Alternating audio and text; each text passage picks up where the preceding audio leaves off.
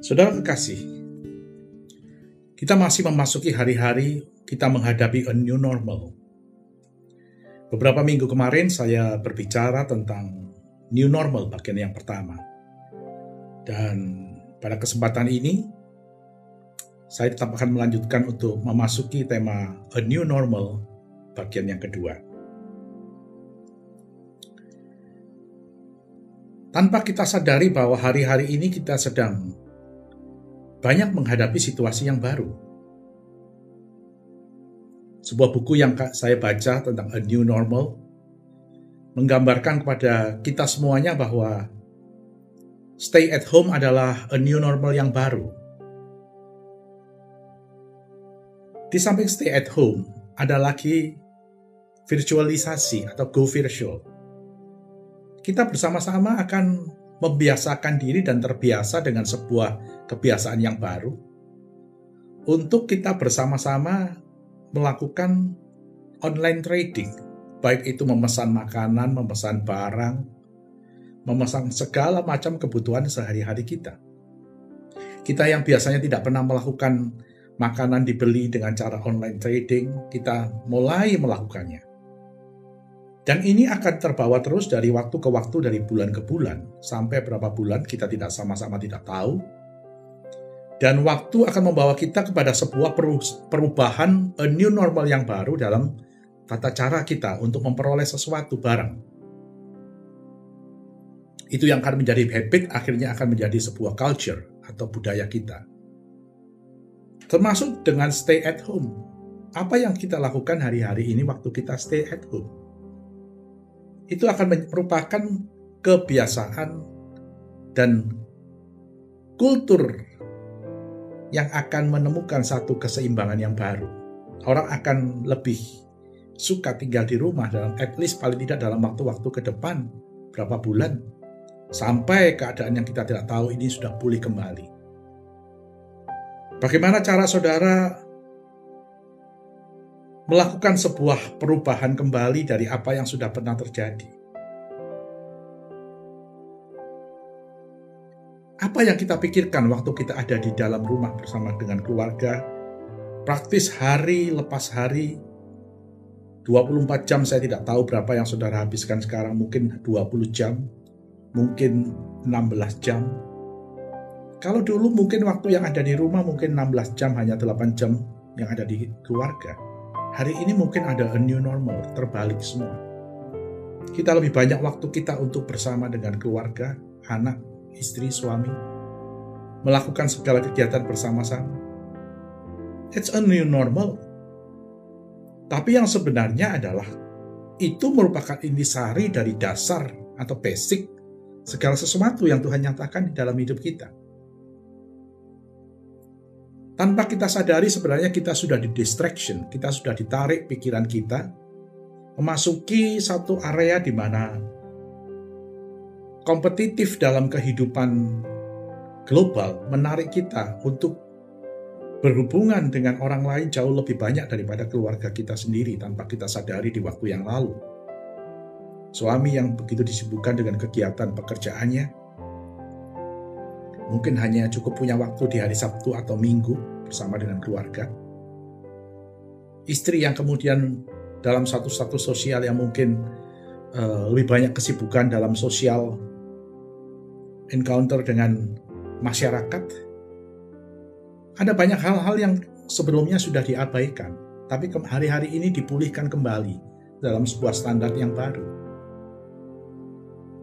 Saya mendengar banyak berita baik di China maupun di Amerika, banyak gimana banyak keluarga bercerai hari-hari ini. Mereka tidak terbiasa untuk berkumpul dalam waktu yang lama suami istri. Sehingga ada banyak hal yang dianggap quote and unquote merepotkan buat mereka. Tapi mari kita lihat apa yang kita firman Tuhan tentang hal ini Bang, saat ini. Dalam Kolose pasal yang ketiga, ayat yang kedua dikatakan demikian. Pikirkanlah perkara yang di atas bukan yang di bumi pikirkanlah perkara yang di atas, bukan yang di bumi. Apakah kita memikirkan tentang surga? Itu tidak benar sama sekali. Apa yang ada di dalam surga bukan urusan saudara dan saya. itu sepenuhnya adalah wewenang daripada Bapa di surga.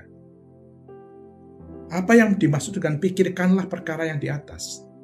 Saya menemukan dalam terjemahan The Passion Translation Bible, TPT, dikatakan begini.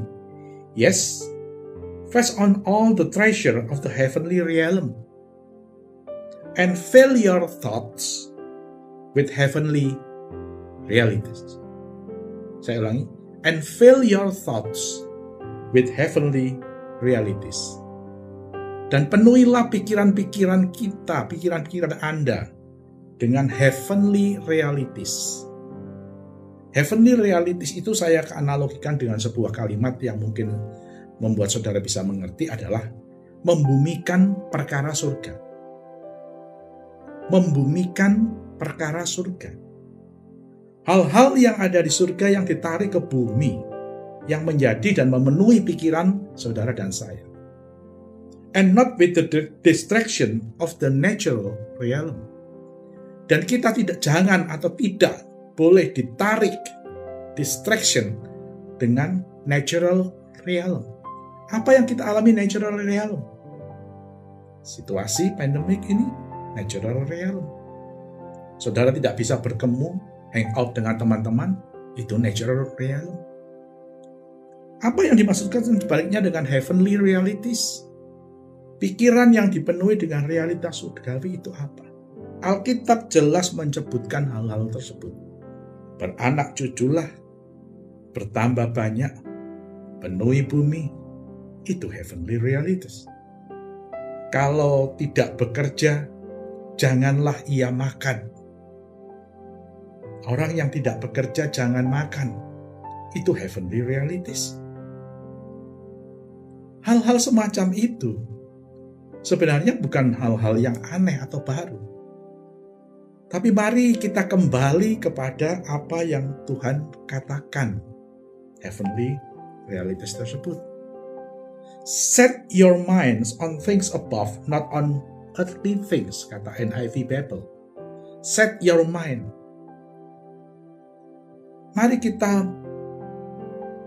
mengatur pikiran kita, men-setting pikiran kita sedemikian rupa sehingga kita hari-hari ini dipenuhi dengan hal-hal yang betul-betul heavenly realities.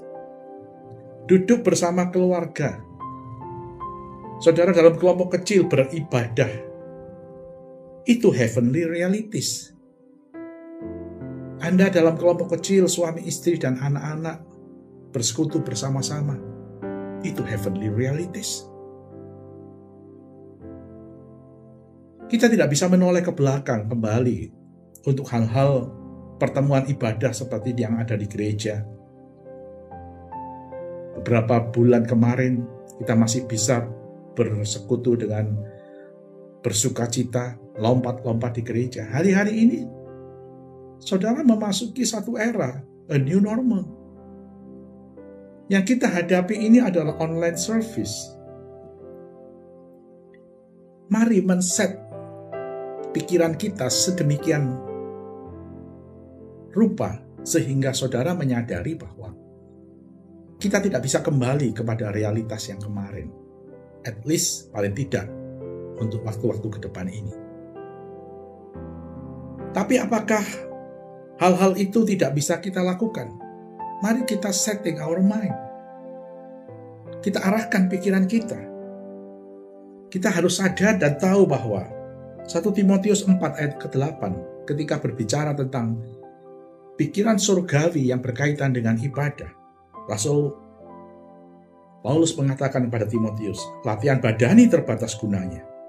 Tetapi ibadah itu berguna dalam segala hal karena mengandung janji, baik untuk hidup ini maupun untuk hidup yang akan datang. Ibadah berguna dalam segala hal. Kalaupun tata caranya berubah, adalah waktunya saudara dan saya set our mind. Mari mengarahkan, meluruskan pikiran kita dengan kondisi yang terjadi. Sehingga itu bukan sesuatu yang sulit, itu bukan sesuatu yang berbeda, tetapi betul-betul kita ada di dalam dimensi virtual, tetapi semua itu bersetuju dengan iman kita.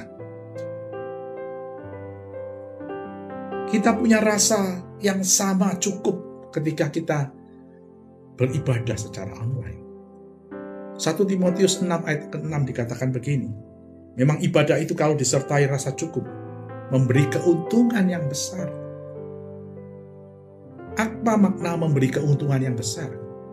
Jangan diabaikan bahwa kata keuntungan yang besar yang dalam bahasa aslinya porismos atau great gain. Porismos itu adalah keuntungan atau berkat yang kita terima, kita bisa terima, baik physically maupun spiritually. Berkat materi dan berkat secara rohani. Itu dikatakan porismos.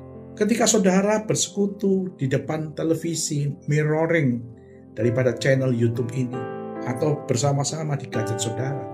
Jangan berpikir itu adalah hal yang biasa. Saudara sedang melakukan sesuatu yang ketika saudara merasa cukup, merasa penuh, fulfillment, maka saudara akan menerima keuntungan yang besar. Dan itu tidak tidak akan berbeda dalam memberikan great itu dengan waktu saudara datang beribadah bersama dengan jemaat. Karena cara bukanlah sesuatu yang menentukan dari segala sesuatu yang sedang kita hadapi. Cara bisa berbeda. Tapi iman dan percaya itu ketika fulfill your heart, ketika mengisi sepenuhnya hati saudara, itu membuat saudara memiliki rasa cukup. Dan ketika rasa cukup itu ada di dalam hidup saudara, berkat itu juga tersedia bagi setiap orang yang percaya akan hal itu. Apa yang terjadi dengan kekristenan-kekristenan di dunia ketiga? Mereka dianiaya, mereka tidak punya alat musik, mereka tidak bisa menyembah Tuhan dengan baik. Tapi apakah mereka kekurangan keuntungan karena hal itu? Sama sekali tidak. Justru mereka terpacu, terdorong untuk semakin mengasihi Tuhan ketika tekanan itu datang dan mereka beribadah dengan cara yang paling sederhana. Dengan cara seperti ini ketika hatimu dan hatiku dipenuhi dengan rasa cukup,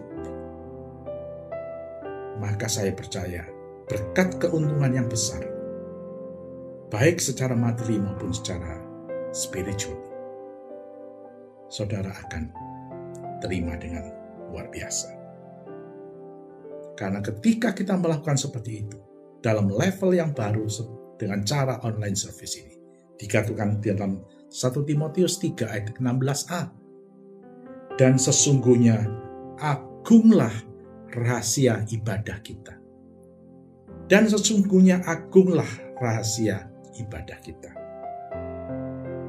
Kalau kita memaknai dengan benar a new normal yang seperti ini hari-hari ini dalam tata cara kita beribadah, dikatakan saudara dan saya tetap menerima itu sebagai rahasia keagungan ibadah bersama dengan Tuhan kita yang kita sembah, Yesus Kristus Tuhan. Yang terakhir, saudara, dalam Ibrani 10 ayat yang ke-25 bagian A. Dikatakan, janganlah kita menjauhkan diri dari pertemuan-pertemuan ibadah kita. Saya mengajak kepada saudara di mana pun, saudara yang memirsa siaran channel YouTube ini, online service ibadah roh Samarinda, janganlah Anda menjauhi pertemuan ibadah tata cara dan teknologi, dan segala sesuatu. Jangan mendistract kita, jangan menarik kita daripada pertemuan ibadah kita. Karena rahasia ibadah itu sangat agung. Dan kalau disertai dengan rasa cukup dalam hati kita, saudara tetap bisa men-set our mind, pikiran kita, bahwa ini yang saya harus lakukan. Maka engkau dan seisi rumahmu akan menikmati damai sejahtera Allah yang melampaui segala akal, senantiasa akan memenuhi hati dan pikiran. Amin. Tuhan Yesus memberkati.